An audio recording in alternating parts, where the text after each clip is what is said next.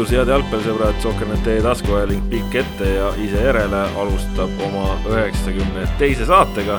Ja täna oleme eetris siis tavapärasest hiljem, sellepärast et äh, oli küll plaan lahata Premium-liiga lõpplahendust, äh, Premium-liiga oma lõpplahendust ei saanud, koroona on siin kõvasti tembutanud ja seda Eesti jalgpallihooaega veel pikendanud, eks näis, kui pikaks ta lõpuks venib ja, ja kas need mängud saab ka ära mängitud äh, või mitte, sest äh, ütleme nii, et päris tõenäoline tundub, et kõik asjad ka ei saa mängitud.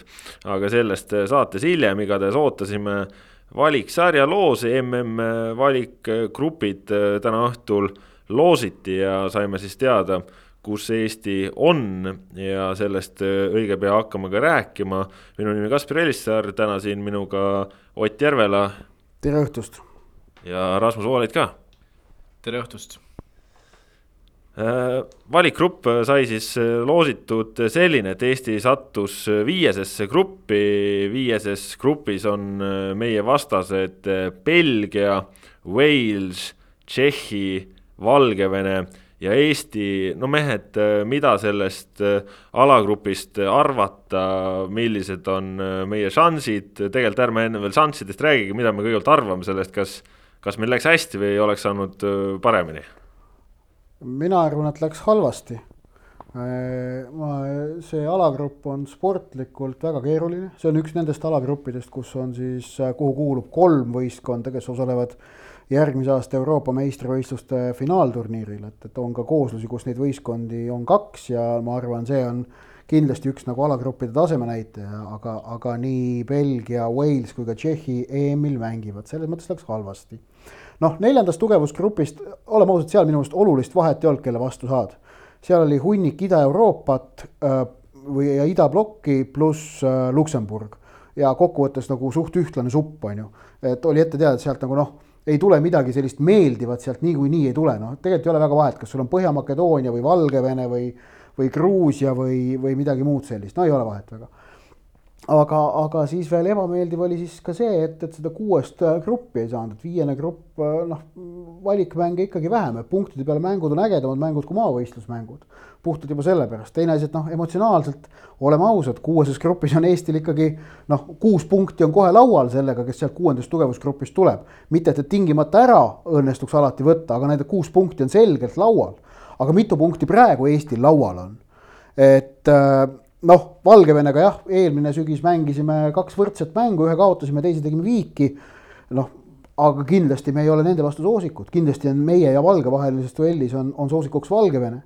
ja ülemise kolmiku käest iga võetud punkt on suur saavutus, oleme ausad, see on praegu asjade seis, isegi siis, kui me noh, loodame ja me kõik loodame, et, et see koondise madalseis, mis on mõnda aega kestnud, et see madalpunkt on ületatud ja et see ka sügis kaks tuhat kakskümmend kujutas endast väikest tõusu, mida me noh, viimasest neljast punktide peale mängust kolm viiki on ju, et ja, ja noh, et, et noh, ei ole ju kõige hullem seeria, eks ole aga, aga kas, aga jah, isegi siis, kui nagu see madalpunkt on ületatud, siis ikkagi nende esimese kolme vastu läheb keeruliseks, noh, Belgia absoluutne maailma tipp.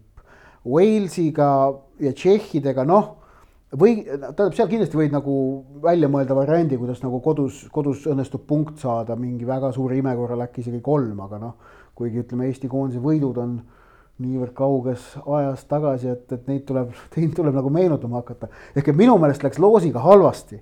ma ei näe sellel alagrupil peaaegu mitte ühtegi positiivset külge, ma ütlen ausalt, no tegelikult ka. lisaks veel ka see, et sealt noh, et ühtegi nagu tõeliselt suurt, kedagi viiest suurest, ma ütleks kuuest või isegi seitsmest. FIFA edetabeli number ühe me saime ikkagi.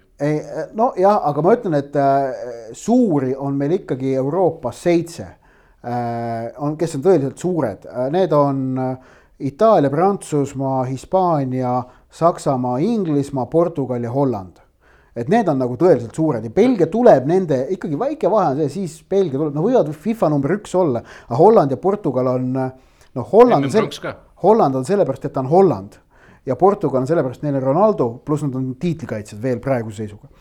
aga see selleks, aga ühesõnaga, et noh, oleks kellegi suur olnud, ühesõnaga ma ei näe selle alagrupil ühtegi head otsa, kohta ja, hea ko- asi, mis oleks olnud, kus oleks nagu hea, ma oleks rääkinud täiesti vastupidist juttu, oleks see, kui ma oleks sattunud F-alagrupi Fääri saarte asemele. seal oli noh, kolm esimest vastast super, Taani, Austria, Šotimaa.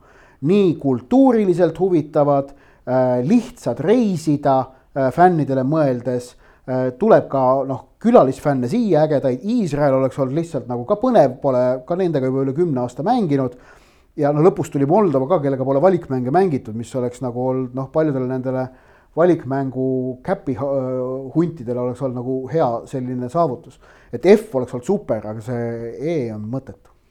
no kui nüüd rääkida siis eesmärkidest, siis mina püstitaksin eesmärgi neljas koht, ehk siis viimase koha vältimine ja viis punkti näiteks, see tähendab juba seda, et siis äh, see viie punkti saamine eeldab kas Valgevene käest kuue saamist või kellegi teiselt ühe saamist või noh, see on see nii-öelda õnnestumise lävi minu jaoks. ma arvan, et juba ka neli punkti oleks selge õnnestumine. no neli punkti tooks ka tõenäoliselt neljanda koha juba, sellepärast et äh, kuigi Valgevene on võimeline, ma ütleks erinevalt meist, võtma punkte ka teistelt või noh, me oleme ka võimelised, aga nii-öelda nende tõenäosus on suurem selgelt. just, just. Siis äh, siis ma ei usu, et nad saavad ne-, meilt pluss veel kolm punkti mujalt. ma arvan, et, et neli punkti Eestile sellest alagrupist, siis me räägime vähemalt rahuldavast. kusjuures isegi siis, kui jäädakse viimaseks nelja punktiga, mul on tunne, et, et puhtalt nagu noh, no ei oleks nagu väga noh, praeguse seisu pealt rääkides, siis kui need mängud on peetud, me vaatame nendele mängule teistsuguse pilguga otsa. Neli punkti on, tundub juba praegu sellise asjana, et kurat, kui selle kätte saaks, et oleks ikka päris hästi juba, on ju viimase koha vältimine oleks selgelt nagu õnnestumine. esikolmikusse mahtumine tundub täiesti võimatu. no kui me vaatame natukene lihtsalt otsa, kuidas me ise nende satsidega mänginud oleme, siis noh, Belgia vastu kuus korda oleme mänginud, ühe korra oleme võitnud, viis korda lakki saanud, noh viimati päris koledalt lakki ka, kui see üks kaheksa mäng oli ka see ei olnud viimane mäng. no viimati, noh, selles mõttes, et äh, viimane kord, kui nad olid, olid meiega grupis, on ju, et äh, ja. see null kaks oli seal natukene ilusam jah. Äh, no Walesiga oleme mis seal ilusat oli, sulle see Artjom Dmitrijevi punane kaart meeldis või? ei no selles mõttes nagu tulemuse mõttes null kaks on ju noh. ilusam kui üks kaheksa, sellega ma olen nõus. just, noh Walesiga oleme kaks korda mänginud, mõlemad korrad oleme napilt kaotanud Äh, Tšehhile oleme kolm korda kaotanud, aga nendega ei ole sada aastat mänginud. noh, Valgevenest juba rääkisime ja, ja teame ka, et ega nendega ka hakkama ei ole saanud. ja noh, nii ongi, et e, siit tahaks, et oleks see üks võistkond veel, keda lugeda, aga no tõesti ei ole, no nagu sa ütlesid, pidime selle, sellesse viiesesse alagruppi jääma ja. mis tähendab, et siis märtsis ja septembris tuleb maavõistlus. jah, ja, ja, aga tegelikult mõtle, kui vähe meil puudu jäi sellest F-alagrupist, ainult. kaks sellepärast Eesti, Eesti loositi no, viiendast neljandana. oleks pidanud olnud seda, et loositaks kuuendana, siis oleks sattunud F-i. jah, aga noh, ütleme kas, kas siin siis olukorras, kus, kus me oleme, kus Eesti eh, on eh, otsimas omale ka uut peatreenerit eh,. mis, mis see nagu siht võiks olla, mis sellele. viimase koha vältimine. no nii ongi, mis, mis see muu eesmärk selles valikgrupis on, viimase koha vältimine kui see õnnestub ära teha, siis on ju ületatud see tulemus, mille pealt nagu alagruppi tuldi, et Eesti, Eesti on seal alagrupi kõige nõrgem võistkond. Äh, seda noh, loosimisurnide põhjal ja no ütleme sportlikult viimase aja tulemusi vaadates igatpidi, Eesti on igal juhul seal alagrupi selgelt kõige nõrgem võistkond. kui õnnestub viimast kohta vältida, siis nagu noh, kurat, ma siis küll nuriseda ei oska, no tõesti. või, või, või viis punkti, nagu ma ütlesin ka, viis oleks juba suur saavutus, seda jah, nagu nagu öeldud, see eeldaks juba kas kahte võitu või siis ühelt suurelt saamist, punkti saamist. kusjuures, kui me võrdleme seda nüüd selle eelmise äh, viieliikmelise grupiga, kus me mängisime siis eelmine aasta, seal olid on ju Saksamaa, Holland, äh, Põhja-Iirimaa ja Valgevene vastased. et, et noh, see nõnda öelda toona oli seis vastupidi, et Eesti loositi neljandast ja Valgevene viiendast tugevusgrupist et äh, aga no ütleme, Valgevenega noh, see vahekord on suht sama, et muidugi see esimene kolmik kokkuvõttes on seekord nõrgem ma arvan, äh, aga punktide võtmine on keerulisem, sellepärast et selle esikolmiku Tšehhi, Wales, Belgia äh, kõige nõrgem lüli ei ole niivõrd nõrk, nagu oli Põhja-Iirimaa, kelle vastu tegelikult, tuletame kaks tuhat üheksateist meelde, mõlemas mängus oli punkti variant. võõrsil Belfastis, kui null kaks kaotati, null üks seisul Henry Anier läks üks-ühele ja noh, oli variant tegelikult seal ära lüüa, noh, väga noh, ütleme sealt mängust jah, viik oleks olnud, põhja-iirlastel oleks tundunud see ebaõiglase tulemusena mängulist pilti vaadates, aga no ütleme, see viik ei olnud nagu üldse, seda, seal ei pidanud mingit väga palju joonistama, et see viik kätte võtta. ja no kodus juhtisime vist veel seitsmekümne viiendal minutil vist juhtisime veel üks-null, lõpus kaks väravat on ju. aga noh, Wales, Tšehhi ja Belgia ei ole keegi, ma arvan, niivõrd noh, mängitav, kui seda oli Põhja-Iirimaa. No kindlasti mitte jah, sellepärast et Tšehhi on ikkagi jalgpalli, no Põhja-Iirimaa on ka jalgpalliriik, aga Tšehhi on ikkagi suurte traditsioonidega jalgpalliriik ja. Tšehhi on endine Euroopa meister. jah, et see, sellega, sellega on kõik öeldud. aga Valgevenega me mängisime tegelikult ju nendes, nendes gruppides kaks võrdset mängu. ja esimesel, kodus olime võidus kinni, et ma ütleks. mis võidus, viigis? viigis kinni jah, ei, lasime lõpus ju ära. ei, lõpu, üks-kaks löödi lõpus. aa aga..., me saime lõpuga kotti, õige, õige, muidugi ja võõrsil oli see null-null, kus noh, mõlemad oleks võinud võita. jah, jah, jah, aga, aga ikkagi kaks võrdset mängu ja noh, kindlalt, kindlasti meie eesmärk peab olema Valgevene edestamine, kõik muu oleks juba ebareaalne. aga kui vaadata veel äh, Eesti välist äh, pilti nendele äh, valikgruppidel peale, siis teame ju, et otse MM-ile saab alagrupi võitja, teised kohad lähevad play-off idesse, kui me vaatame kõiki neid alagruppe, siis äh, kellel läks, ütleme siis suurtest hästi, äh, kellel läks halvasti, noh halvasti minejate sekka võime siis ka sellised äh, keskmikud liigitada võib-olla Inglismaal läks keeruliselt, sellepärast et nemad said endale teisest potist Poola kes on ikkagi, ma ütlen, Poola on võimeline vabalt Inglismaad edestama, ehk siis see tähendaks seda, et Inglismaa läheb juba play-off'i. ja seal on Ungari ka, kes on tegelikult yeah. mänginud tõusvas joones viimased aastad, ma ei, tähendab, nad võivad teise koha saada, nad ei võida seda alagruppi. aga nad teise koha võivad sealt kuidagi ära napsata Äh, ja sellega ja kindlasti kaarte segada. ja, ja kindlasti kaarte segada muidugi. aga samas on seal on ju Andorra ja San Marino, mis tähendab, et. Äh, kas Inglismaa ja San Marino on kogu aeg samas grupis? no nad ikka satuvad jah, aga see tähendab seda, et seal kohe nagu nende mõlemaga on seis see, et äh, et kohe, kui keegi kolmest suurest nende vastu või tegelikult isegi Albaaniale punkte kaotab, siis see nendest kolmest on kohe omadega väga kehvas seisus. et seal on, seal, seal peaks tekkima see alagrupp, I alagrupp peaks olema selline kus äh, tekivad siis äh, ütleme, ülemine kolmik ja alumine kolmik ja kohe, kui ülemise kolmiku keegi liige kaotab alumisele kolmikule punkte, siis on noh, tal pistauskas, nagu ütlevad leedulased, on ju. et, et ma arvan, selliseid gruppe me väga rohkem silma ei hakka tegelikult kuueseid, ei ole tõesti.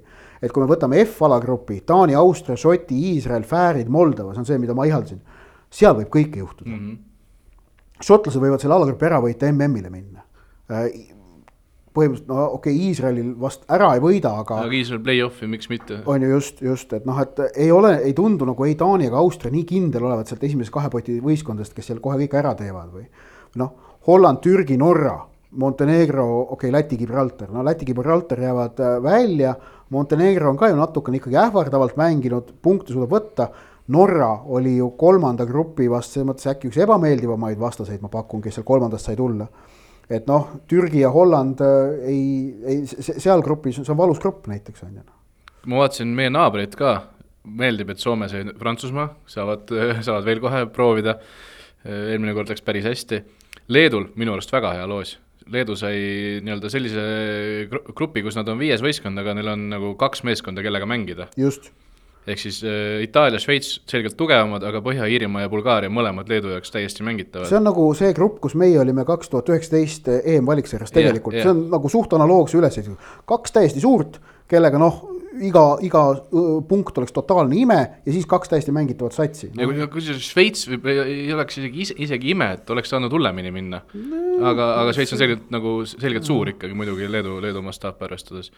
ja Lätil läks ka ikkagi suhteliselt kehvasti jah, aga noh, ja siis on veel see, see muidugi see slaavi grupp, mis tekkis sinna Haši eh,. Horvaatia, Slovakkia, Venemaa, Sloveenia, noh ja Küpros on ka tegelikult slaavi sats, seal arvestades palju Venemaa ärimehi Küprosel elab, on ju. peidus kõik seal eh,. Küpr-, Venemaa raha kõik Küprose kaudu ära pestud kenasti Malta tegeleb ka umbes samasuguste asjadega veidikene, aga et see on nagu noh, Horvaatia muidugi soosik noh, ma ise loodan muidugi seda, et Venemaa sealt muidugi sinna toppama jääb, aga, aga, aga ma arvan, venelaste šansid on päris head, et, et Slovakkia sealt teisest grupist tuli, et see on venelastele kindlasti väga hea uudis. et sul oleks võinud seal tulla noh, Austria või Poola või või, või mis seal veel on, noh, Rootsi, Serbia, need kõik on nagu tugevamad variandid kui Slovakkia tegelikult ja, ja sihuke huvitav nüanss on ka jälle, et Põhja-Makedoonia ja Armeenia saavad J-alagrupis jälle koos mängida, et oh,. Neil on küll doi edosta sellest, noh no tegelikult ka, noh aga jah, vot selline on, et tegelikult tõesti noh, ega. sakslastel läks hästi. no noh, ongi, sakslased on selles samas Põhja-Makedoonia ja seal grupis on ju, et ega. Nad said sealt teisest tugevusgrupist Rumeenia, mis on lihtne variant koos Slovakkiaga, neil no, on kaks kõige lihtsamat varianti. Hispaanial ka väga ei näe varianti, et nad äh, Rootsi-Kreeka käest äh, kuskile nii palju sisse saaksid, et äh, nad mm. mängivad praegu, nad mängivad praegu ikkagi võrdlemisi head jalgpalli, noh, Rootsi on ohtlik, aga Rootsi on ohtlik teise koha peale võib-olla, et mm. Ja noh, Portugal võib-olla halval päeval kaotab Serbiale, aga, aga, aga noh, pigem nad ikkagi seal, sealt lähevad edasi, et. see MM valiksarja, noh, ma arvan, et alagrupid kokkuvõttes näitavad, kuivõrd armutu konkurents ikkagi Euroopas juba valitseb. ja, ja noh, seda näitab ka see, et, et vaata mõned saated tagasi, kui selgusid need äh, play-off'i võitjad, viimased neli EM-il osalejat, mis see stats mul oli, mis ma ütlesin, ütlesin vist, viis satsi vahetus eelmise EM-iga võrreldes, oli vist viis? võis olla, jah. No igatahes see tähendab seda, et meil on viimase Äh, nelja aasta sees on meil kolm, kakskümmend üheksa võistkonda, kes on mänginud või mängimas finaalturniiri. minu meelest kõik MM-il osalenud äh, olid emmal-kummal EM-il osalejad, et sealt midagi juurde ei tule. aga kakskümmend üheksa satsi, kellel on finaalturniiri kogemus olemas. Äh, noh, ja see finaalturniiri kogemus, see annab ju noh, sellist nagu kultuuriliselt ja sellist nagu jõudu ja eneseusku ja teadmist ja kõike annab niivõrd palju juurde, see nagu teebki võistkondi tugevamaks. Ja kuna seda finaalturniiri kogemust seoses EM-i laiendamisega on hakanud üle Euroopa palju noh, sagedamini jaotuma, siis see minu meelest tõstab ka tegelikult Euroopa sellist üldist taset. ja, ja see nagu kokkuvõttes muudab ka need tulemused ettearvamatumaks veidikene kui sa oled seal mingil kriitilisel tasemel, Eesti kahjuks ei ole praegu sellel no, kriitilisel tasemel. võib-olla lihtsalt see, me oleme näinud seda Euroopa üleüldist taseme tõusmist, millest sa rääkisid, et me ei ole lihtsalt suutnud äh, kaasa minna. Ei, aga noh, seis on see, et isegi neljanda tugevusgrupi satsid noh, võivad juba seal nagu ikkagi äh, midagi, midagi ära teha, minu arust varem nagu seda pigem nagu ei olnud, et oli seal noh, oli, oli nagu ütleme, kaks kuni kolm, kes mängisid esimese kahe koha peale, praegu on sageli gruppides noh, kolm, on kolm kuni neli. Et, et noh, sellised nagu noh, lihtsaid gruppe ei ole. neljandast tugevusgrupist tuleb näiteks Bosnia. noh no, just. Bosnia ilmselgelt võib mängida Soome vastu või Ukraina vastu võrdne võrdsega heal päeval, Sloveenia neljandas, Montenegro neljandas, Iisrael neljandas, nii et äh, tõesti neljandast tuleb küll. just, just. Et, et äh, see on nagu noh, see Euroopa koondise jalgpall, see on ikka väga vägev keskkond, kus me tegutseme, et noh, keskmine tase, okei okay,, jah, Lõuna-Ameerika keskmine tase on kõrgem, aga noh, neil on kümme satsi ka, et, et tegelikult see, see nagu konkurents on väga armutu jah, saame näha, milliseks see konkurents siis Eesti jaoks äh, kujuneb, kordame veel üle, ühes alagrupis, alagrupp äh, numbriga E ja siin on meil siis vastas Belgia, Wales, Tšehhi, Valgevene ja meie siis äh, viiendast tugevusgrupist viieses alagrupis oleme ja juba märtsikuus mängud lahti lähevad. märtsis on siis kokku kolm koondismängu, ehk siis Eestil on seal võimalus maavõistluseks, septembris on ka kolm mängu, ehk siis ka seal on Eestil võimalus maavõistluseks, oktoobris kaks mängu, novembris kaks mängu. nii et aasta lõpuks äh, on need mängud ühel pool ja. juunis saame ka ilmselt ikkagi mängida koondis äh, noh, juunis on ju ette nähtud EM-finaalturniiri paus, ma eeldan, et Eesti liigas noh, proovitakse see mingil moel teha, kui natukenegi koroona ja kalender lubavad aga, aga kindlasti on seal ka mingi väike koondise mängude aken ju ette nähtud, et, et noh, muud koondised Euroopas mängivad maavõistlusi enne EM-i. no Eesti ilmselt tahab sinna seda Balti turniiri suruda jällegi. no aga Eesti tahab ka enne EM-i mängida EM-ile mineva koondisega. No jaa, aga, aga teeks äkki nii, et Balti turniiri ei mängiks ja mängiks seal mitu maavõistlust noh, seda saame näha, mis need plaanid on ja ega ju tegelikult ei tea ka, mida üldse selle rahvusvahelise jalgpalliga teha saame see on ka tõsi. me ikkagi mängime Balti turniiri, tundub, sellepärast et Soccernetis ilmus kuus minutit tagasi uudis pealkirjaga jaanuaris ilmselt mängudeta Balti turniirile jah, maavõistluste osas palju lahtist. selge. Nii et äh, pilt selge, saame näha, mis siis äh, täpselt sealt tuleb, igatahes koondise jalgpall uuel aastal idee poolest on seda palju, kas ka reaalsuses saame näha, kas ka publikuga saame näha, igatahes need asjad on lahtised. aga lähme siit edasi saate teise poole juurde ja teiseks pooleks on premium-liiga, kus siis eh, pidi olema natuke rohkem mänge koos üleminekumängudega, tuli koroona. kõigest nendest eh, räägime ka siin veel eh, tänase saate jooksul, aga, aga räägime kõigepealt siis sellest ainsast mängust, mis oli Nõmme Kalju ja Paide linnameeskonna vahel Paide kunstmuru väljakul ta eile ehk siis pühapäeval peeti. idee poolest äh, pidi olema konkreetselt täiesti mõttetu mäng. Äh, aga tuli sihuke põnev äh, väravasadu, seitse-neli, Paide sai võidu ja noh. saalihoki skoor. see, see, mis selle mängu järel järgnes, sellest jõuame ka veel rääkida, aga, aga natuke sellest mängust, Rasmus, sa ise olid seal Paides kohapeal no ma julgen arvata, et ka sina ei osanud oodata, et sa sellist mängu seal pühapäeva õhtupoolikul näed. nojah, paratamatult äh, kolmapäeval sai selgeks, et see mäng on täiesti tähtsusetu ja seega ma olin päris nii-öelda nördinud, et mina pean ikkagi sinna, olen üks nendest kahest, kes sinna minema peab. ja noh, ilmselgelt äh, kui ei ole millegi peale mängida, siis ootused on ka madalal. tänu sellele muidugi oli noh, see kontrast ootuste ja reaalsuse vahel oli päris, päris vägev ilmselt täiesti pingevaba mäng, olen nõus. aga samas jällegi see, kuidas nii-öelda Kalju treenerite pink käitus esimese poole ajal, kui palju sealt tuli nagu neid juhtnööre, mis olid väga-väga sarnase sisuga neljakümne viie minuti vältel Kalju kaitseliinile.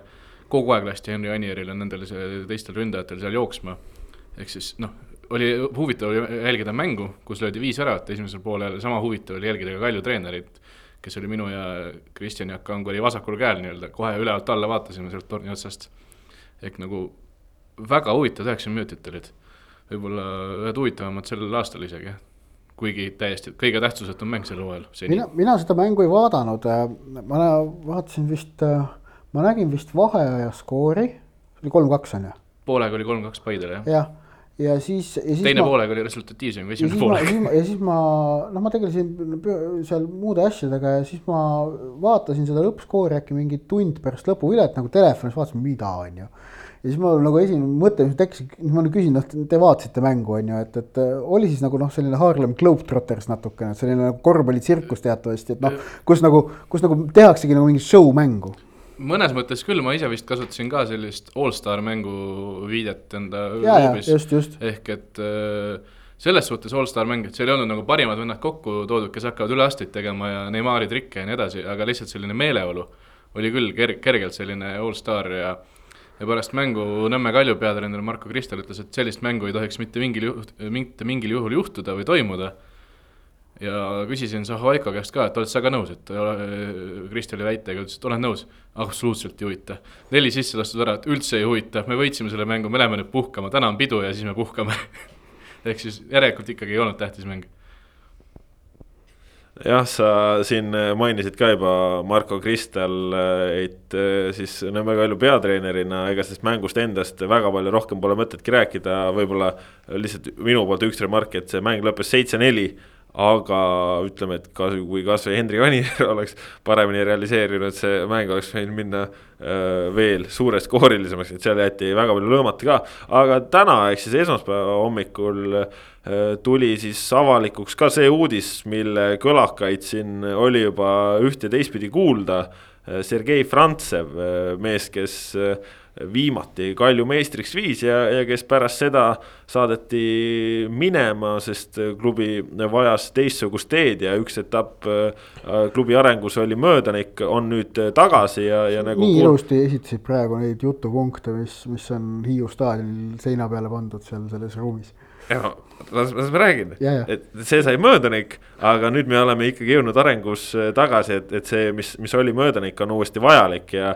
ja Kuno Tehva siis äh, selgitas ka täna, et äh, Frantsev ongi toodud lühiajalist edu silmas pidades, ehk siis see karikavõistlused, mis praegu pooleli on, Kalju loodab karika kaudu Euroopasse saada ja, ja karika kaudu neile tundub, et on võimalik saada Euroopasse ja, ja karikavõiduni just äh, Frantsevi kaudu, Marko Kristal taandub abitreeneriks, ta ei lahku klubist, ehk siis Kristelil, nagu ta ka pühapäeval ütles Sokkernetile, aastalepingut on veel järel, mina arvestan teadmisega, et töötan ka järgmisel aastal Kaljus, nii läheb.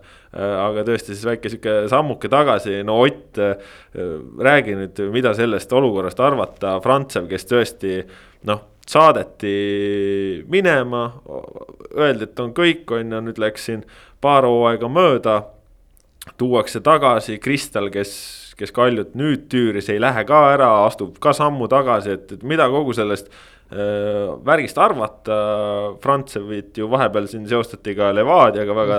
no ta oli, ta oli, no Levadia oli ta Eestis töötama registreerinud, viimasel no, hetkel mõeldi ümber. just, et, et selles suhtes äh, on siin Frantsev olnud ka vahepeal Eesti jalgpalliskeenes üleval, aga, aga mis sinu vaade sellel olukorral on ja, ja, ja mida need sammud, ütleme siis jalgpallisõbra jaoks tähendada võivad ja ka Nõmme Kalju jaoks? ei no see, see, mida Tehva meile täna hommikul Soker.net-il ütles, et, et see on nagu noh, eesmärk või tähendab, et, et see otsus Frantsev äh, peatreeneriks tuua on väga selgelt seotud lühiajalise eesmärgiga kvalifitseeruda Euroopasse, milleks noh, Kalju peab võitma karikavõistlused. jah, muud varianti ei olegi. Äh, siis no see ilmselgelt nagu noh, selles valguses on kõik nagu loogiline Äh, Frantsev on kahtlemata treener, kes suudab kiiresti tulemust teha, ta ei vaja kohanemisaega, ta tunneb liigat, ta tunneb klubi, ta tunneb vastaseid, tunneb ka päris paljusid Kalju mängijaid, kes, kes klubis on, on jätkamas. nüüd, mida Frantsevi tulek tähendab, tõesti, noh, seal oli juba näha paari mängija lahkumine, on ju, mis on selge et siis äh, keskkaitsjatest Pedro Victor ja Ivan Lobai, samuti Andres Raudsepp ja Sander Puri olid need, kellele siis klubi uut lepingut ei paku.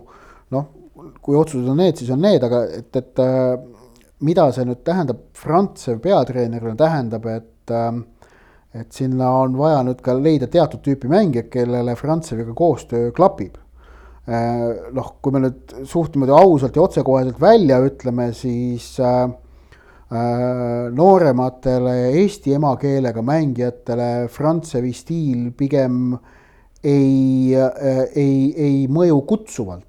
Äh, ma kardan, et see seis on niimoodi. kindlasti on erandeid, ma ei ütle, et see on nüüd niimoodi ühe lauaga löödud, kindlasti on erandeid.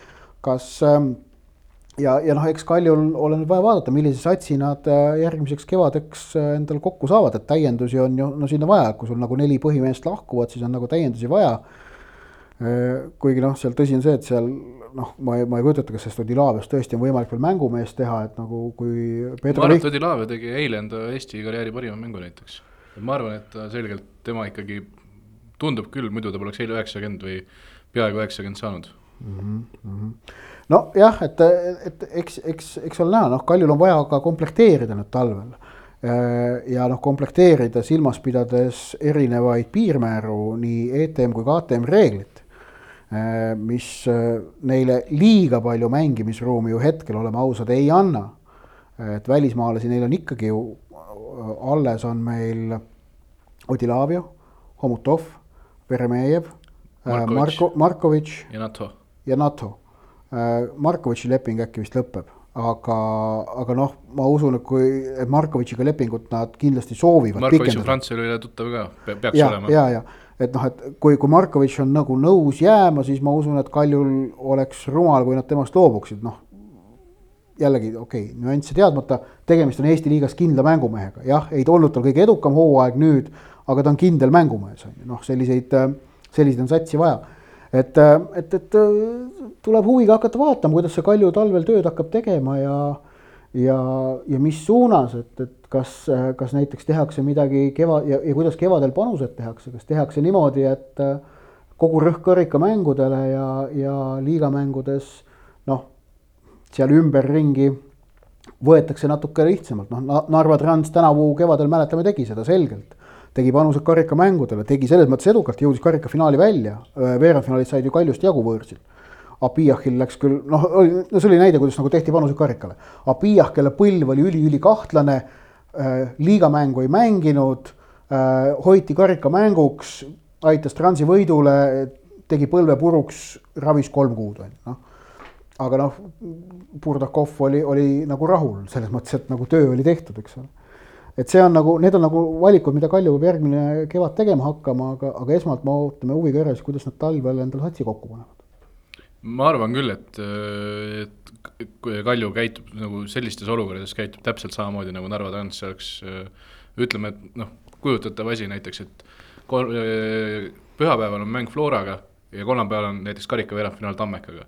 ma arvan, et Flora vastu läheb selgelt nõrgem koosseis ja kogu rõhk pannakse selleks, et Tammekast veerandfinaalis jagu saada see tundub nagu ainuõige sellises olukorras, eriti kui sa oled juba välja ka öelnud, et panustad sajaprotsendiliselt karikale aga Rasmus, ütleme laiemalt, Kristal nüüd abitreeneriks, see on ikkagi selles mõttes no pigem ebatavaline käik, et tavaliselt niipidi ei käi, eriti treeneri puhul, kes on tulnud ka Eesti meistriks, on ju, et et ei ole selline kõige verinoorem treener, et, et ta ei ole ka vana treener, aga, aga ütleme ikkagi väga selgelt saavutustega treener. nüüd on valmis olema abitreener, mida, mida sellest äh, arvate? No mina näen seda olukorda umbes selliselt, et äh, Kristel ju isegi ütles eile, et hooaeg on läbi, läbikukkumine, see oli tema käe all toimunud läbikukkumine. noh, ilmselgelt tal ei oleks siis uut töökohta väga lihtne nagu saada, eriti Eesti liigast, võib-olla kuskil madalamal tasemel oleks seal mõni klubi, kes ta võtaks hea meelega vastu, aga, aga tal on veel aasta lepingut järel, ise ilmselgelt ma ei usu, et ta soovib Kaljust lahkuda kui, kui ta sooviks Kaljust lahkuda, siis äh, tuleks läbi vallandamise, mis tooks talle päris äh, ja kui ta sooviks minna, ju ta saaks minna? ju ta saaks minna. ei no jah, seda jah, saaks ikka minna, aga ta ei taha minna. nojah. ehk siis ma arvan, et nagu mõistlik äh, samm tema poolt, et lahkub ainult siis, kui vallandatakse ja või, või võtab, võtab selle madalama pakkumise vastu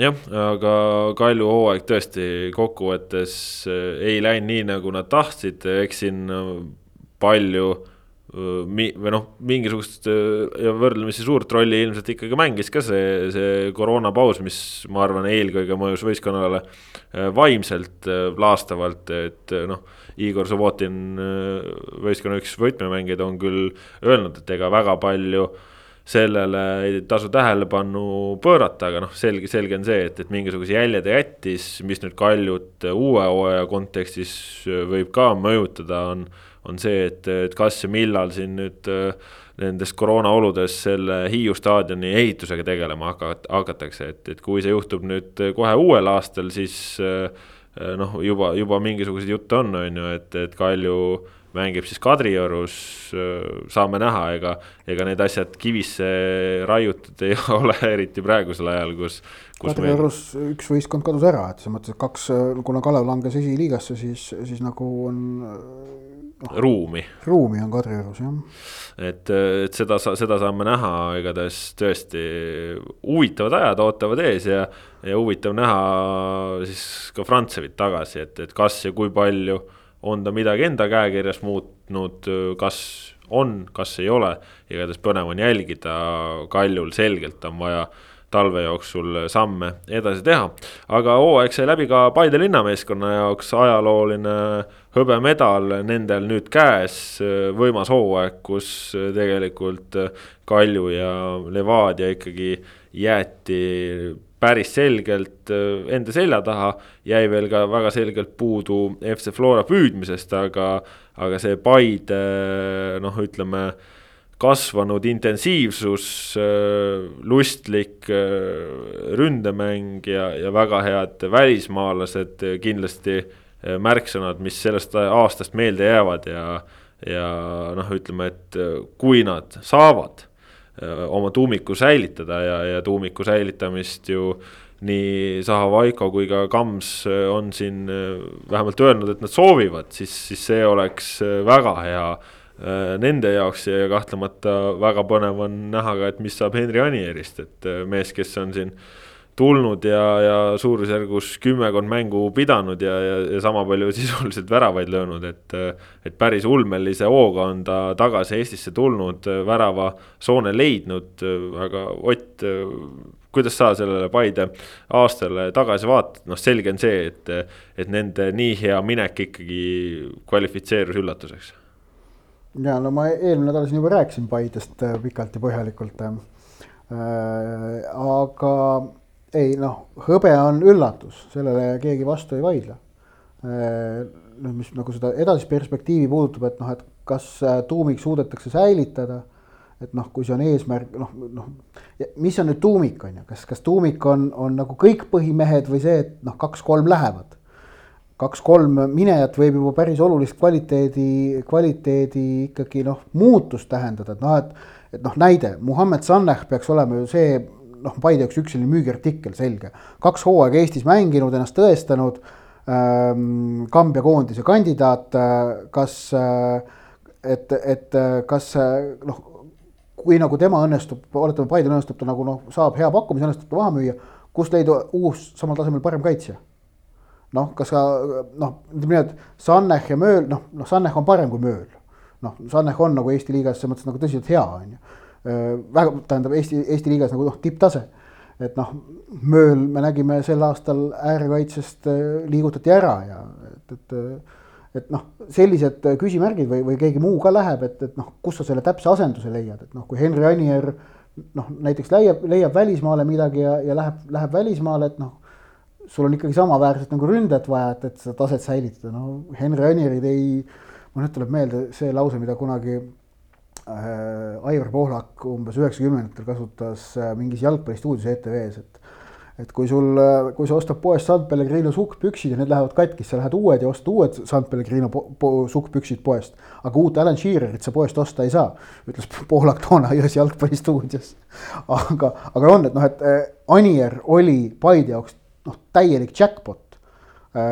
Äh, mõnes mõttes võib ka olla tema, äkki oligi nüüd see otsustav lüke, mis nagu aitas selle hõbeda võitluse klubi jaoks ikkagi päris mugavaks ja kindlaks siin lõpusirgel muuta. et noh, tuletan meelde need, need, see, kuidas Anier tegi ära selle mängu võõrsil Kaljuga, kus Paide sai sellise noh, ikkagi ma ütleks öelda, noh, äkki see, see võis olla mõnes mõttes ikkagi see murdepunkt või otsustav koht. Anier tegi selle mängu üksinda ära. et noh, tuumiku säilitamine, noh, mida see täpselt tähendab samas see peaks olema lihtsam kui muidu, sellepärast et koroona tõttu on äh, turg Euroopas keerulisem, raha on kõikidel klubidel vähem äh,, müüa on keerulisem küsisin ka Zaho Aiko käest äh, konkreetselt, et kas Anierid, Lutsud, sellised mehed on ka tema plaanides äh, olulisel kohal ja Zaho Aiko kinnitas ja ja Anier ise ka ju ei, ei nagu ei rutanud ütlema, et tahaks minema minna. ta pigem jättis nagu ikkagi ka selli-, noh, mulle jäi mulje vähemalt, et pigem jääb, kui ei jää, aga see on noh, ilmselgelt veel liiga vara öelda, ma arvan, Anier ise ka ei tea, mida ta, mida ta täpselt teeb talvel ja, ja kas läheb või ei lähe.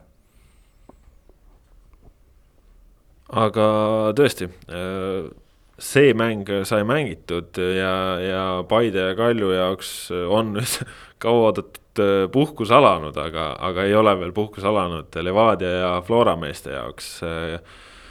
Kõigepealt siis eelmisel nädalal äh, tuli, tuli see teade, et, et Levadia ridades äh, on koroona positiivsega kokkupuude väga tihe. Kogu võistkonnal, võistkond määrati isolatsiooni, siis liigutati neid mänguaegasid. Siis äh, jõudis veel selguda, et äh, Florasse on tulnud äh, koroonapositiivne, lükati veel mänge edasi, nihutati veel neid asju. nüüd selle nädala uudised on, on juba see, et, et Floras me räägime Eesti tippliiga, premium-liiga teisest koroonakoldest, sest seal on ka juba kaheksa-üheksa positiivset hetkeseisuga, et mis mis ja kuidas edasi läheb, ei tea, ei teadnud Pelle Pohlaka, Flora president öelda seda, kas, kas see nii suur koroonapositiivsete arv, kas see on seotud klubis tehtavast, kas on ise millegagi mööda pandud või, või on see selles mõttes juhuslik selle nurga alt, et Eesti Vabariigis ja, ja ka Põhja-Eestis, Tallinnas on koroona hetkel väga-väga liikvel ja, ja väga levimas ja, ja neid nakatumisi tuleb kõikjalt, et, et kas see on sellega seotud või mitte, seda ka ei teatud, igatahes see mäng lükkus edasi, see kulla lahing äh, pidi kõigepealt olema siis kolmapäeval, kolmapäeva pealt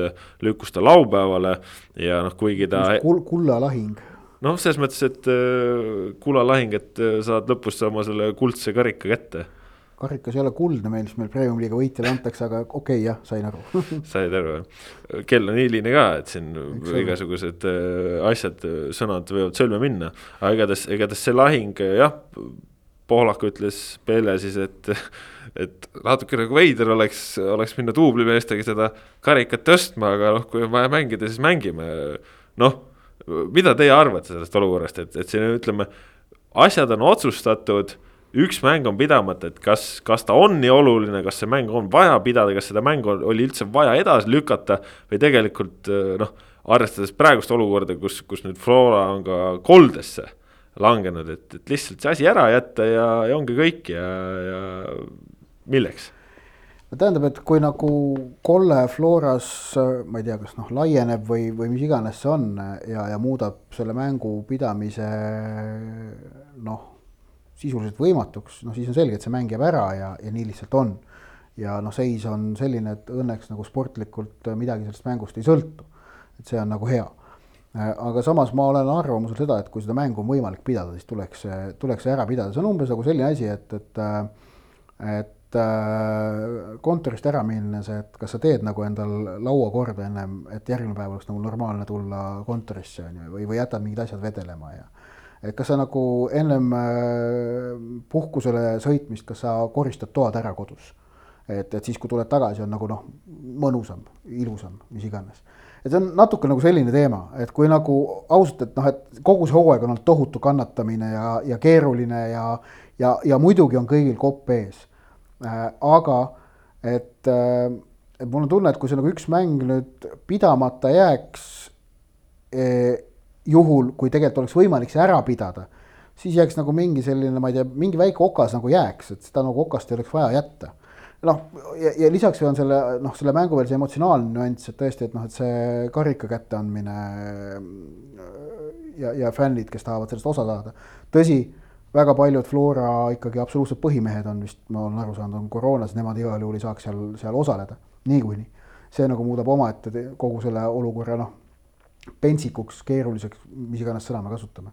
aga, aga minu arvamus on see, et kui on võimalik see mäng ära pidada, siis see tuleks ära pidada kui ei ole võimalik, siis tuleb lihtsalt ära jätta, et eda-, edasi enam lükata ei saa võimalik on see ju, võimalik on see ka tuublimeestega pidada. no jaa, aga äkki on ka tuublimees, noh, sa, sa veel ei tea. tuublimehed käisid eile alles kuskil softball'i mängimas või midagi sellist. no et, et, et seal, seal, seal sa ei tea, mis on nagu, kui, kui klubis on koroona sees, et noh, et see võib levida. Võib, võib-olla on see kuidagi levinud ka duublisse või mingilgi moel, et noh, et et kui see mäng on võimalik pidada, siis pidada, kui ei ole, noh siis tuleb ära jätta, sest edasi lükata ei saa. Kui need kaheksa-üheksa meest, vist on kõik mängijad ka ju, ja Flora koosseisust juba kaheksa-üheksa välja võtta, meil jääb noh, maksimaalselt viisteist jääb umbes alles neid, et äh, isegi veel vähem kui vigastus, vigastatud mehed ka juurde ja Enar Jääger, kes on lõpetanud juba ka juurde panna. mina isiklikult juba enam ei näe mõtet seda mängu pidada, sellepärast et no kui sa reaalselt paned sinna kolm põhimeest ja kaheksa duublimeest algkoosseisus, minu jaoks see ei ole enam nagu noh, nagu mõttekas.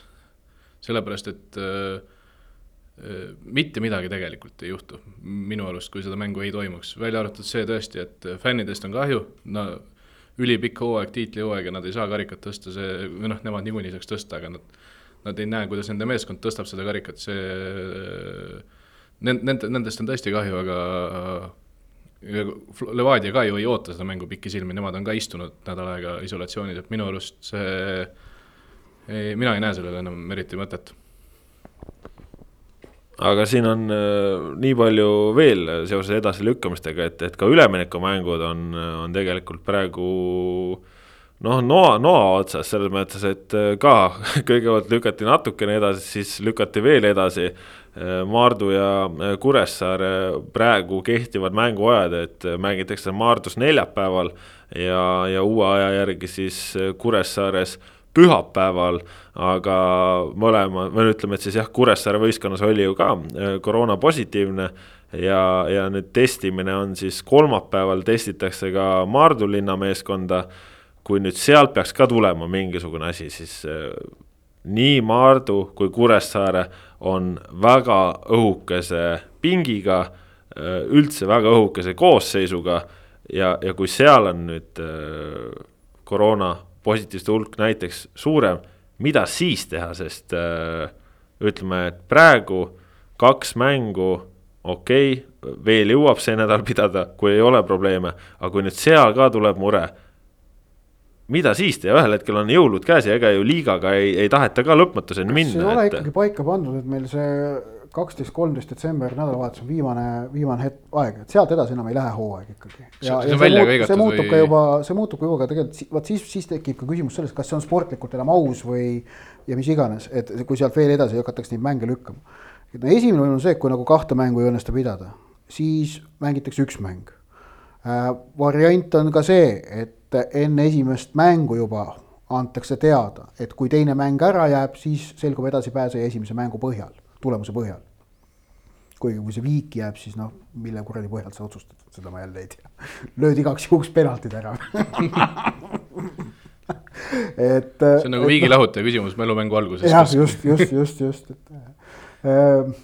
et noh, et ja, ja kui neid mänge ei saa pidada, kui juhtub selline variant noh, siis minu loogika ütleb, et Kuressaare jääb kõrgliigasse.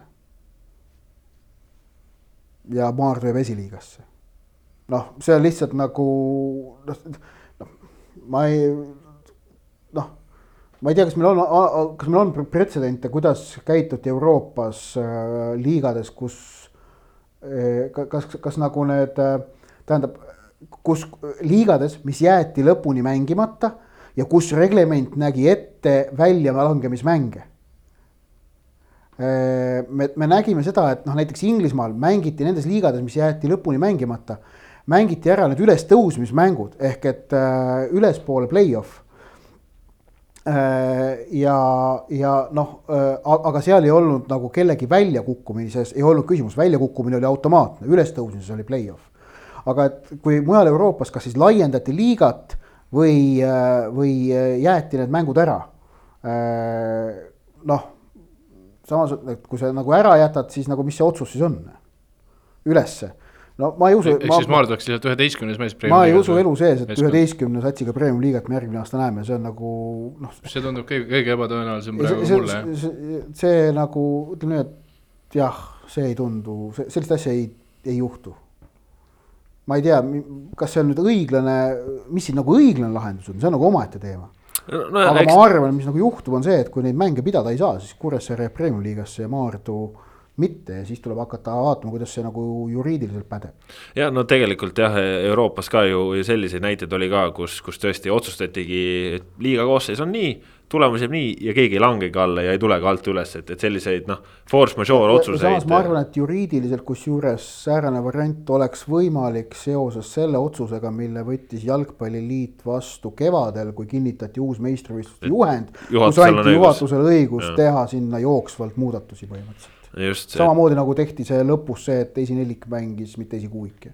ja et noh, iga, igatahes väga põnev see olukord on ja, ja no ütleme, et, et kui ka see üks mäng toimuks või kaks mängu, noh tõesti, saame näha siin ju tegelikult edasilükkumisega äh, seoses, et hooaeg pikenes, siis nüüd ju pikenes ka, ka see asi, et äh, Flora ja Kuressaare karikamäng äh, lükkus ka edasi ja ja siin äh, mingil hetkel tõsteti ta juba jaanuarikuusse ära, siis äh, oli ikkagi vahepeal arutluse all, et äkki ikkagi pidada see mäng ka praegu ära, sest seal on ka see, et, et peavad olema selle aasta koosseisud ja, ja mäng peab olema märtsiks toimunud ja nii edasi ja ei tea, mis tulevik toob. et seal oli ka ikkagi variant, et võib-olla ta ikkagi nüüd ära mängida, aga samas nüüd olukorras, kus Flora on äh, massiivselt koroonas, no tundub väga ebatõenäoline, ehk siis noh, selle mänguga saab ka veel nalja, nii et äh, tõesti noh, jube kahju, neli päeva jäi puudu, et me oleksime selle hooaja saanud korralikult ära lõpetada, aga siis tuli see koroona ja tuli igale rindele ja, ja, tõesti noh, väga raske näha, äh, mida see nädal nüüd veel ikkagi ka lõpuks toob, et meil seda põnevat perioodi jääb äh, veel, jääb veel ette, et äh, saame näha. igatahes asjad on lahtised, aga, aga veel enne, kui saatel täiesti joone alla tõmbame, mõtleme põgusalt ka kahe koondise legendi peale. Enar Jäägerit juba mainisime, Enar Jääger lõpetas nüüd siis karjääri, see hooaeg alustas küll põhimehena, aga siis tulid vigastused peale ja vigastused on tegelikult Enar Jäägerit viimastel aastatel üldse läbivalt saatnud ja seganud. oli ta ju eelmise aasta lõpus lähedal ka taas koondise kutsele ja noh, õigemini ta saigi selle ja oli lähedal koondisega liitumisele, aga hooaja lõpus just nimelt Maardus, millest rääkisime, sai omale kannavigastuse ja ja kogu see tema traagika pikenes ja nüüd siis kolmekümne kuue aastaselt otsustas, et äh, keha on märku andnud, et äh, tuleb äh, karjääril joon alla tõmmata, kahtlemata Enarilt suurepärane karjäär, suurepärased aastad nii Norras koondise ees, jõudis ka ju Itaaliast läbi põigata, aga mehed, äh, võib-olla selline kiire mälestuste voor, äh, Ott, mis sulle meenub, kui sa mõtled Enar Jäägeri peale ja, ja seejärel Rasmus, mis sulle meenub, kui sina mõtled Enar Jäägeri ja tema karjääri peale, mis on selline äge või, või lihtsalt meelde jäänud hetk, on ta siis klubi koondise karjäärist mis, mis teile tema peale mõeldes kuidagi seostub või, või, või pähe tuleb? no ikka see raudne kindlus, no noh, see tohutu stabiilsus, mida tema tegelikult oma karjääri jooksul ju kehastas, et noh, kuidas ta võttis paremkaitsja positsiooni Eesti koondises kümneks aastaks enda omaks äh, natukene peale äkki isegi, no circa kümme aastat oli lõpuks on ju ja noh, siis vajadusel nihkus keskele ka, kui vaja oli ja et see oli ikkagi noh, selliseid, selliseid raudmehi tegelikult noh, ta oli koondises oli ikkagi selge raudmees. et see on nagu siis see mängulise poole pealt ja noh, siis nagu huumorit rääkides, siis et siis äh, mäletan, kas vist oli Kalev Kokk Arenal. noh, ta oli ju koondise väravlöömata on ju noh, et noh, aga mingi no ilge litri pani üle puusa kuskilt kolmekümne pealt oli minemas kas tagumisse allanurka või risti, ma ei mäleta, aga vastase väravvaht tõi ära ja siis küll mäletan ahetas ja mõtlesin, pagan, oleks sellega oma koondise ainsa löönud, noh. lööki tal tegelikult on küll jalas, aga ta lööb harva, aga tegelikult tal seda lööki on, on ju. et jah, ja noh, siis ütleme ajakirjaniku vaatevinklist on ikka siis see, et noh, et jääkiri intervjuud on ka ju legendaarsed, et noh, et noh, no nii jutumärkides jutukat venda, noh, noh, noh, annab otsida, on ju, et noh, tema vastused on sellised lühikesed ja konkreetsed tegelikult, mitte et ta nagu ei tahaks rääkida või ta vastabki lühidalt ja konkreetselt, on ju. Et siis noh, mul kolleeg Joosep Susi on ikka aeg-ajalt teinud, teinud nalja, äh, et, et, äh, et äh, kui kelle, kui, kui keegi peaks äh, et noh, et, et, et see, kellele satub äh, osaks äh, ülesanne kirjutada Enar Jäägerist eluloo raamat, et, et see väärib ikkagi preemiat juba ette ma mäletan ka eelkõige muidugi jah, selle nii-öelda turvatunde ja kindluse poolest, mida ta Eesti koondisele tõesti pakkus hämmastavalt palju. ta oli, ta oli nagu jah, ta oli alati olemas ja, ja tegi suurepäraseid mänge, või noh, tegi siukse seitsekümnest mänge tegi kogu aeg lihtsalt. aga ma mäletan, see oli kaks tuhat viisteist vist, kus ta täiesti lambist lõi kaks mängu järjest üliilusad väravad, nagu tõesti üliilusad väravad, minu arust ühte neist. Alessandis on ju see vist oli Aalesundis jah, ühte neist vist äh, hakati isegi nagu aastaväravaks äh, seal hääletama Norras, et äh, noh, kaks nädalavahetust järjest lihtsalt Enar Jääger tuleb ja võtab nagu jõhkrad, jõhkrad pommid ära. See oli mm., see oli, see oli kõva jah mul kusjuures samamoodi nagu esimese asjana, kui, kui Jääger ütled, siis tuleb kõigepealt tuleb meelde, et koondises nullirida ja siis samal hetkel paralleelselt hakkavad ajus just need Norra iluväravad ketrama, et Taju seal lõi karistuslööke, ta oli seal standardolukordade peal ja siis ta oligi, ta, ta virutas sinna siukse ristaka, ta mängis vasakkaitses, ma mäletan veel, vasakult murdis keskele, tõmbas sellise litri sinna risti, et see on mul, see on mul küll hästi meeles ja, ja noh, tegelikult oligi, et see, see tema universaalsus ka veel sinna juurde, et vend mängis välismaal mängis mõlemat äärekaitset, koondises pani keskkaitset, noh. ta oli ikka kuldne vend ja tegelikult selle jätsime ju mainimata, meil mängis Belgias ka ju, väga kõva noh. no ka Venemaa kõrgliiga, et, et noh, palju meil praegu on mehi, kes suudaksid Venemaa kõrgliigas minna mängima. kes seal lepingu teeniksid, et noh, ühel hetkel Jääger, Stepanov ja Ooper mängisid kolmekesti Moskva torpeedos Venemaa kõrgliigat. Valeringas olid need väravad, seda, seda tahtsin parandada veel. jah ja teine asi see, et meil need saja mängu klubi, nüüd on noh, Dmitrijevi lahkumismäng on ootel, nüüd on Jäägeri lahkumismäng ootel. ma millegipärast arvan, et Dmitri Kruglovil on ka ees ikkagi ainult üks koondise mäng veel, see on tema lahkumismäng, et rohkem ta kutset, ma arvan, noh, ma ei näe, et ta saaks.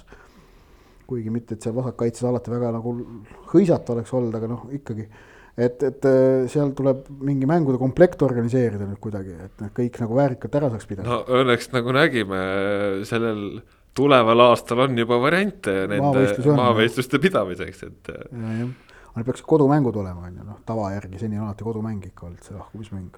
jah, noh, saame näha, igatahes Aivar Pohlakul ka siis mingi väljakutse, et kelle ta siin ma ei tea, libistab mingisuguse juunikuus mingi Argentiina siia Messi vastu Poom läks äh, Portugali mängus, Reim läks Ekvatoriaalguinea mäng oli minu arust tema lahkumismäng, Kristalil oli Norra, Ooperil oli Gibraltar, Viikmäel oli Valgevene, äh, Zelinskil oli Soome, äh, kodus võideti kaks-null ja oota mul Lindberel oli Andorra kas ma olen kellegi ära unustanud, seitse tükki olen praegu ette lugenud.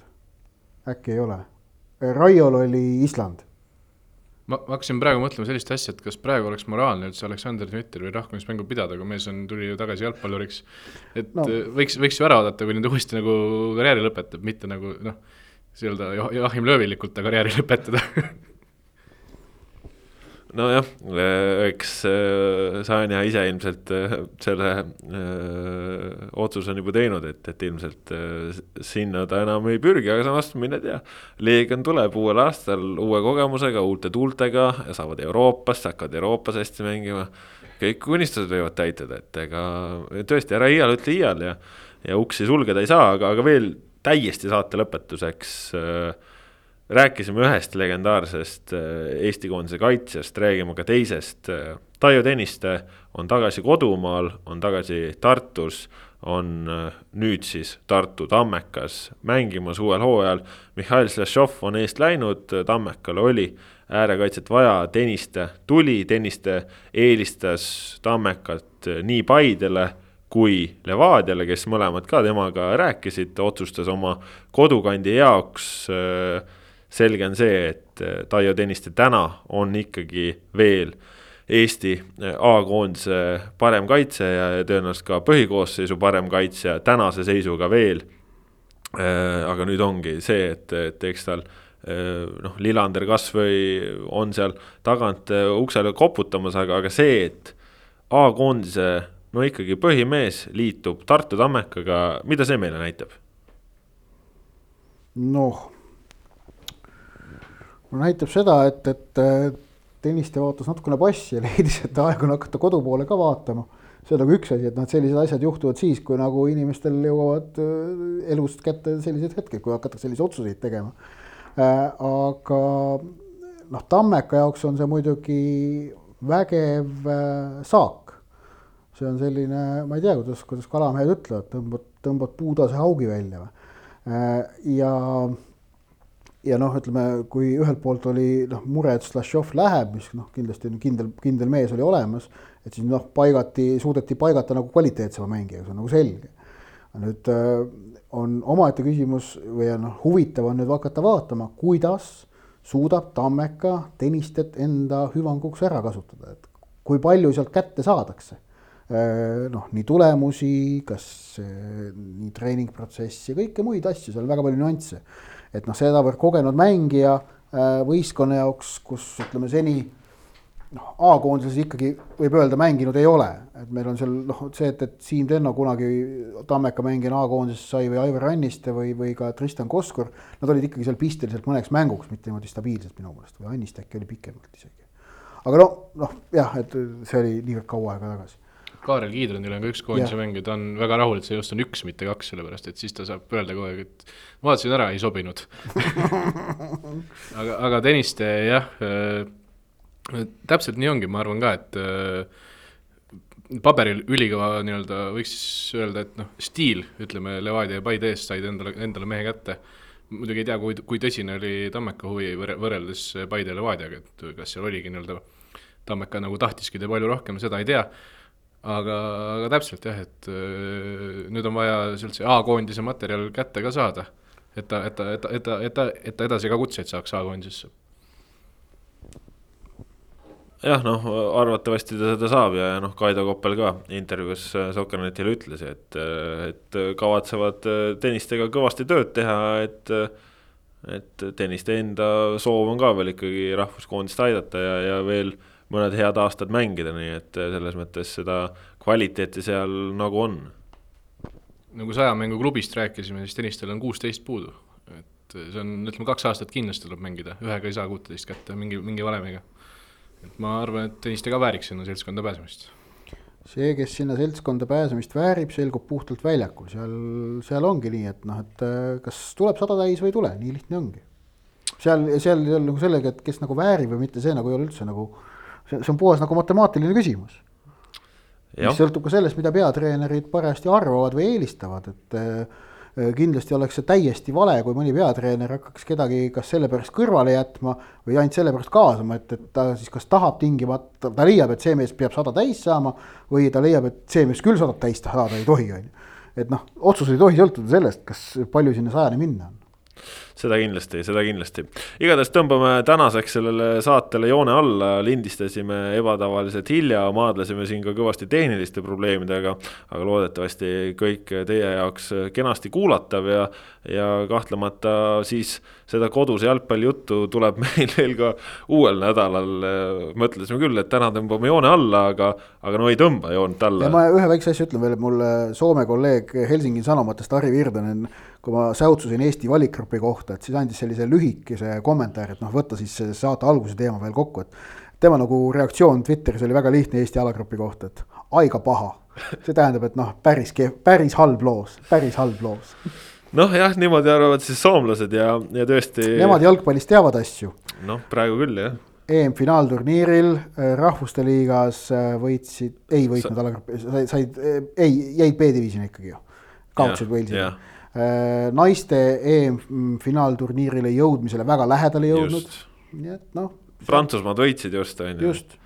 et noh, ju nad ju midagi siis jagavad praegu, aga, aga tõesti, kodust jalgpalli tundub jah, tuleb meil ka järgmisesse nädalasse, ehk siis näeme, kas saame ka mängudest rääkida või lõpeb see Eesti jalgpallihooaeg lõpuks sedasi, et et on ainult edasilükkamine, edasilükkamine, siis ühel hetkel ärajätmine seda näitab meil aeg, igatahes aitäh, et äh, kuulasite, aitäh, et olite meiega. tänast saate tõid teieni Kaspar Elisser, Rasmus Voolaid, Ott Järvela.